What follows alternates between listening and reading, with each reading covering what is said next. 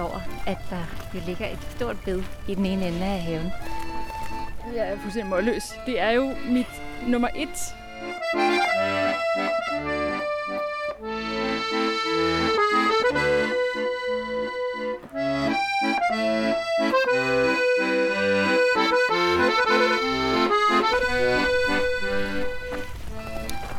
Velkommen til Haven i Øret, hvor vi taler om, hvordan man kan få et grønt og blomstrende udrum, også selvom man ikke nødvendigvis har grønne fingre. Jeg hedder Katja. Og jeg hedder Anna. Anna, vi går jo herinde i uh, en af Københavns rigtig store haver. Ja, vi går midt i Kongens Have. Det er jo et af mine yndlingssteder i København. Kongens Have har jo et af kongerigets smukkeste stavlbed. Og der tænker jeg, at vi måske lige kan nå et smut over og lige kigge på noget vidunderligt. Vi er faktisk også herinde, fordi at vi skal over og besøge øh, Gani, som du jo har lavet en have for. Og det er næsten en øh, have på trods. Det er absolut en have på trods. Altså, vi startede øh, med noget, der var dødere end dødt. Øh, betonfliser med øh, plastikgræs på alle vandretteflader. Det var udgangspunktet. Og hvorfor er det, de gerne vil have en øh, have? De kunne se, at det, det udrum, de ligesom øh, fik stillet til rådighed der, det var jo ikke noget, der ville gøre noget godt for nogen. Der var sumpet under de der plastikmotter, og der lugtede lidt rådent, og, og så var der bare gråt og kedeligt. Og de ville gerne skabe et omdrejningspunkt for samvær på tværs af kollegaerne i øh, hovedkvarteret hos Ganni. Lad os gå over, men først så kigger vi altså lige til de her stavlebed. Anna, jeg har jo gået øh, herinde i Kongens Have mere end tusind gange, tror jeg. Men jeg har aldrig tænkt over, at der jo ligger et stort bed i den ene ende af haven. Jeg er fuldstændig målløs. Jeg, jeg, jeg, jeg forstår, hvad det er, du siger til mig. Det er jo mit nummer et. Hvis jeg, hvis jeg mangler det inspiration, så er det typisk på top 3 over de steder, hvor jeg tager hen. Jeg er bare lige at gå en stille tur fra den ene ende af øh, parken til den anden, ud mod øh, Sølvgade. Der ligger jo verdens største stavlebed. Det kan jeg faktisk godt se, nu du siger det. Det er utroligt stort. Og hvor er der mange forskellige blomster. Jeg kan kun anbefale at gå en tur langs stavlebedet i Kongens Have. Her kan du også finde mange af de planter, som Anna har anbefalet i vores tidligere episoder. Kig blandt andet efter Ærens og Indianermynte. I dag skal det handle om byens haver.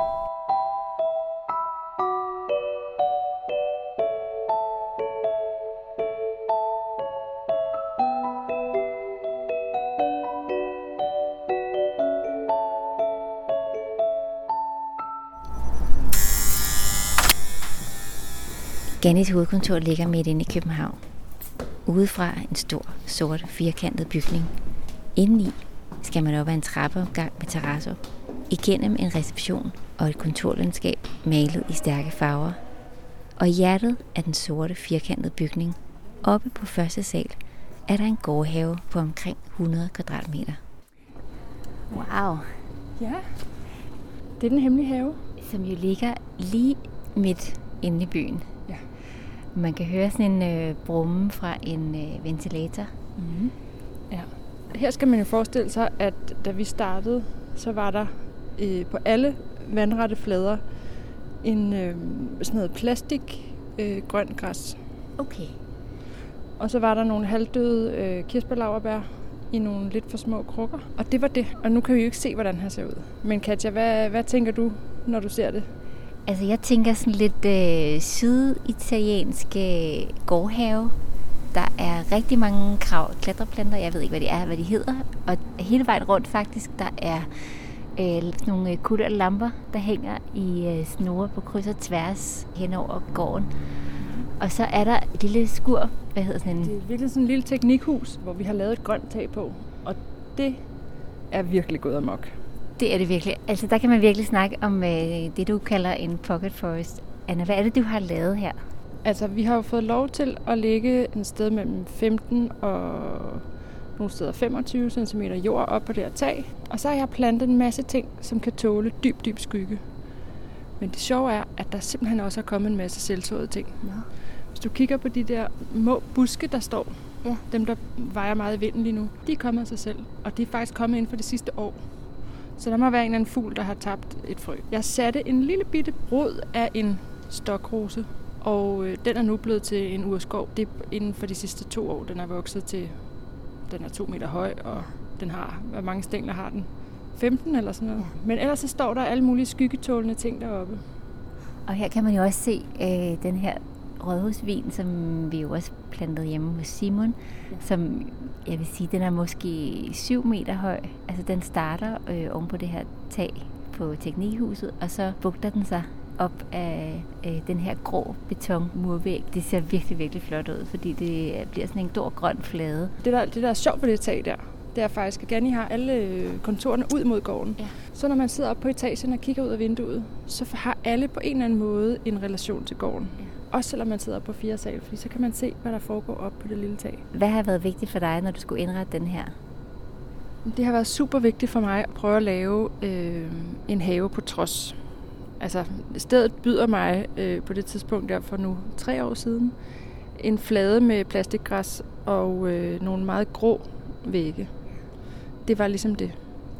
Øh, og hele pointen med at lave den her gård, det var at lave et samlingspunkt for alle medarbejderne, øh, et rekreativt område, som også havde noget vildskab og en masse farve i sig. Det kan godt være lidt en svær øvelse, fordi at øh, gården her ligger i relativt meget skygge. Så det har hele tiden været sådan en dans omkring at prøve at få nogle planter, som kan give noget farve, og som kan give en masse forskellige bladstrukturer og en masse forskellige grønne farver. Og så rigtig meget at prøve at bruge de lodrette flader, sådan så at man rammer rummet ind med klatreplanter. Det vi har plantet her, det er blåregn. Vi har plantet humle over i det hjørne, hvor der er lidt lys. Så har vi plantet en vin, som på et tidspunkt, hvis vi er heldige, sætter vindruer og laver et lille tag hen over øh, sædepladserne her. Så har vi en vildvin, som er begyndt at klatre hen af den wire, jeg har sat op på væggen. Og så er der mere blåregn, og så er der mit store eksperiment herhenne ved verdens grimmeste lygtepæl. Fordi den stod ligesom som sådan en statue inde i midten og var bare gold og ja. ret kedelig. Men nu er den fuldstændig pakket ind i kaprifolie, ja. og jeg elsker alt ved det. Jeg synes, det ser vidunderligt ud. Der er sådan et Narnia over det. Ja, det er Lygtepæl midt i ja. uh, alt det grønne. Og derover har vi en tobakspibeplante, og den går igen herhen på hegnet. Så rigtig mange planter, som kravler op og ligesom laver det her fortættede rum, som du jo altid taler om, og, øh, og som jo er rigtig godt, når man netop har sådan et byhave. Noget, jeg synes er rigtig sjovt herinde, det er at få ting fra det lille tag øh, på teknikhuset, at få det til sådan at bevæge sig ned over kanten på taget. Og du kan se her, at der er blevet plantet, det gør jeg nemlig hver sommer, så planter jeg tallerkensmækker helt ude i kanten af, af tagfladen. Ja og så vokser de op, og så begynder de at hænge nedad. Så det bliver sådan nogle øh, grønne gardiner, der hænger og svejer. Og så kan man jo spise både blomsterne og bladene. Jeg ved, at kokken herinde, hun bruger faktisk rigtig meget, øh, både tallerkensmækker, men i hele taget alle de krydderurter, vi har plantet herinde, det er noget, der kommer med ind i, i maden. Ja. Hvad skal der ske her? Øh, altså er der, er der et næste skridt, som kan gøre den her have endnu, eller endnu, endnu mere vild? Altså, der er sådan et forskridt, som, eller sådan en forårsforberedelse, øh, som vi altid laver øh, her om efteråret. Gerne sådan lidt sent på efteråret. Og det er, at vi, øh, vi hvert år planter en ny kollektion af tulipanløg. Øh, og det er altid ret sjovt at lige prøve at finde ud af. Nogle gange taler jeg lidt med, med dem om, hvad er det den, hvad for nogle farver kommer der ud om foråret i den tøjkollektion, der kommer ud. Og nogle gange kan man ramme lidt af det, eller i hvert fald lave sådan en, en understregning af et tema på en eller anden måde. Det synes jeg er rigtig sjovt. Så jeg plejer at lægge sådan typisk øh, et sted mellem 1500 og 2000 blomsterløg øh, hvert efterår. Og det er så sjovt, når jeg kommer ind om foråret, for det er sådan, gud, har Anna været her? De tingene er sprunget ud, og, og de har simpelthen så optur over det hvert forår. Det er underligt at følge med i. Alexandra Bernardini er Director of Global PR and Communications i Ghani. Og hun er en af dem, der bruger gårdhaven hver dag. Også når hun sidder bag computeren. Jeg har arbejdsplads lige ved et vindue, hvor jeg kigger ud på haven hver dag. Og det der med sådan at kunne følge med i årstiden, altså sådan, jeg kigger direkte ud på noget grønt, er sådan, det er en faktor, som gør, at man, sådan, man bliver instantly i godt humør. Og så det der med, sådan, øh, vi har en fantastisk frokostordning på kontoret, så det med at kunne tage sin tallerken og øh, sidde i et uderum og snakke med kollegaer og være sådan om omgivet af noget grønt, det, altså sådan, det giver utrolig meget glæde. Og sådan, det er et rum, som folk er stolte af, at vi har hos Ganni et uderum. Og vi bruger det jo helt frem til, altså folk sidder udenfor i dag, her i oktober måned, ikke, hvor det mm. er 15 grader. Altså fordi man elsker det her uderum, så det gør utrolig meget for den, altså det er et ekstra rum for os at være i, som er super behageligt, ikke? og som giver sådan, ja, ekstra velvære på en eller anden måde på arbejdspladsen. Er der noget herinde, du særlig godt kan lide? Altså, øhm, vi elsker den der væg med det der løv, der kravler, og det der sådan væld af planter, der sådan nærmest vælter ned over det der lille halvtag, der er. Fordi det er sådan, det er sådan vildt og utæmmet og sådan øh, uperfekt. Ikke? Så det tror jeg, sådan, det passer meget til os, og så elsker vi jo også det der med, at man kan plukke blomster og bruge dem i altså kantinen, og at der er urter og hyben, som bliver brugt i køkkenet, og det elsker vi bare. Er der noget af det her med at øh, have en have, som har inspireret os til at tage det grønne lidt mere ind? Ja, altså Anna har inspireret mig. jeg har en gravsplads øh, for min far, og der øh, har vi valgt en mere sådan utæmmet og sådan ufriseret øh, tilgang til den der gravsplads, så der er alt muligt forskelligt på den, og der er ting, der blomstrer i forskellige årstider. Øh, nu skal vi plante løg om lidt, og det er også noget, som Anna har et fantastisk, øh, en fantastisk tilgang til løg, og det, det er jeg meget inspireret af. Så, øh, ja, så jeg går og hygger mig med min lille bitte firkant. Mm. Når det kommer til have, så kan man virkelig få meget ud af lidt. Inde i Gannis have er der ikke meget jordvolumen, men Anna har brugt alle de flader, der var, selv taget på teknikhuset, og fået plads til mange arter. Man kan godt skabe en have på trods. Anna, det her det er jo en arbejdsplads for øh, mere end 100 mennesker, og øh, det er jo ikke alle, der har sådan et stort øh, rum midt inde i byen, men, men, øh, men mindre kan jo også gøre det. Så hvis du skulle vælge nogle ting, som man kunne tage med, hvis man har en lille altan eller en lille gårdhave, hvad kunne det så være? Jeg vil altid anbefale, at man prøver at få plantet noget op af de lodrette flader, for at få indrammet rummet med noget grønt, for at lave sådan en grøn omfavnelse, hvis man kan sige det sådan. For det, det synes jeg er noget af det, der, der virkelig giver noget atmosfære meget, meget hurtigt. Så synes jeg, det handler om, at man prøver at eksperimentere lidt med, hvor store krukker tror vi egentlig, vi kan få ind på den her lille plads. Fordi det er bare sådan, at jo mere jord der er, jo mere sjov ballade kan man lave. Ja, der er jo også det der med, at jo længere tid går der, før at planterne øh, bliver tørre. Lige præcis. Og så har man jo faktisk øh, foræret sig selv et lille bed. Det kan godt være, at man har en hovedplante, der står inde midt i, øh, i krukken. Men så kan man jo plante alt muligt udenom. Så for eksempel så kan man have en rose, og så kan man jo have, hele bunden kan jo dækkes af skovjordbær. Så har man både rosen, og så har man også noget, man kan spise. Og noget, der blomstrer fra maj til november.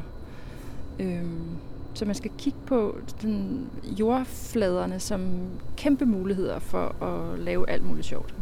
Så man ikke tænker i monokultur, men at man tænker i, hvordan kan man lave så meget biodiversitet som muligt på ganske lidt plads. Og det er jo virkelig også det, vi har forsøgt herinde hos Ganni. Og det der med op af, at plante op ad væggene, altså det kan jo også være øh, rækværket til altanen. Ja, det kan det nemlig. Jeg er rigtig glad for at, for at bruge øh, kaprifolie. caprifolie. De kan tåle næsten hvad som helst, og ikke, de behøver ikke det helt store gødning og show.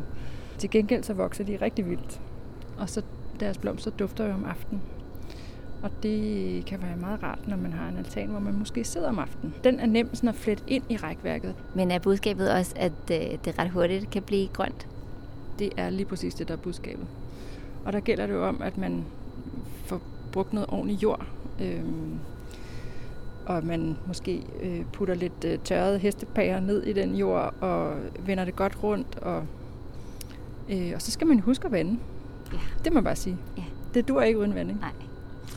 Øh, og det kan man jo gøre på mange forskellige måder. Men, men uden vanding, så kommer man ikke langt.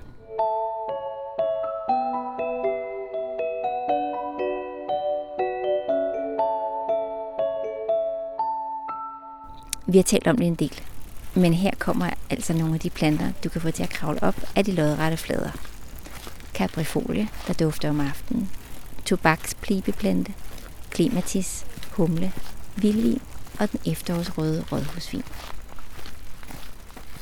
Nå Anna, det var, øh, det var sjovt at se, øh, hvordan en arbejdsplads kan få glæde af sit udrum. Og det er jo faktisk ikke den eneste øh, arbejdsplads, du har besøgt og hjulpet med at, få en øh, oase.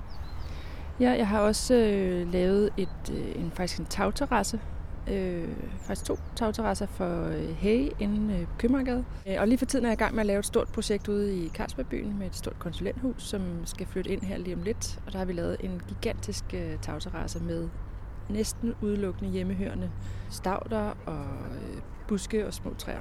Øh, og så har vi lavet en søjlegang med hvid blåregn. Wow. Som jeg glæder mig helt sindssygt til at se til foråret. Her til sidst, vi har jo lovet, at du kommer med en lille anbefaling i slutningen af hver afsnit. Så hvad er din anbefaling i dag? Altså som I ved, så skal jeg jo til at plante frugttræer i min have. Og øh, jeg behøver ikke at researche vildt længe, fordi jeg ved godt, hvad det er for et blommetræ, jeg gerne vil have. Og det er et blommetræ, som har grønne blommer. Øh, de er ikke så store, de er vel øh, sådan cirka 3 cm i diameter. Og så er de sådan øh, grågrønne i skallen, så smager de, så englene synger. Og øh, hvis man har hørt nogle af de andre afsnit, så ved man, at jeg er glad for syltetøj. Yes. og den her, den er fuldstændig exceptionelt god. Også hvis man godt kan lide blommetrifle, eller har lyst til at putte sådan noget ned i en hjemmelavet is eller et eller andet. Og den har det skønne navn, øh, Renclaude. Renclaude? Ja. Okay. Så dronning Claude. Ind og google på Renclaude. Yes, lige præcis. Altså man kan tænke, når man bare ser billedet af den blomme, så tænker man, man måske ikke, at det er den mest velsmagende blomme, der findes. Men det lover jeg, det er det. Hermed givet videre. Og øh, så skal jeg måske også lige sige, at hvis man er i tvivl, så kan vi bare understrege, at efteråret er et rigtig godt tidspunkt at plante et træ. Ja, det er sådan, at træplanteskolerne begynder at grave deres træer op her i slutningen af oktober. Så fra slutningen af oktober og indtil man ikke kan gå i jorden længere på grund af frosten, der er et super tidspunkt at plante træer på. Og det der med at plante dem her i de mørke måneder, og måneder, hvor træet ikke skal stå og lave blade og øh, tænke på at lave frugt, det gør, at de ligesom tænker nedad. Så de begynder at lave et rodnet og etablere sig nede i jorden. Øh, og det er jo en fordel, når vi kommer til foråret, fordi så er de ikke helt så sårbare over for øh, manglende vand og alt sådan noget. Man giver dem simpelthen bare en bedre start ved at plante dem her om efteråret. Godt, så det er nu, hvis øh, du skal plante et træ. Og det kan du både have øh, i et sommerhus, eller i en have, men måske også på øh, en stor altan.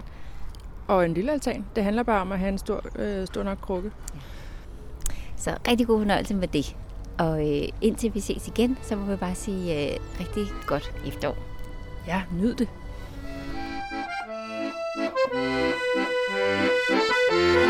Den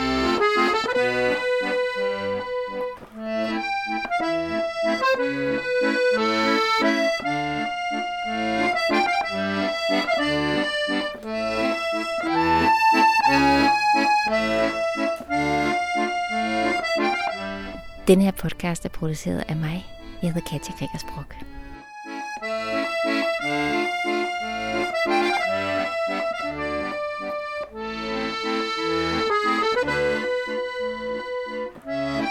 Thank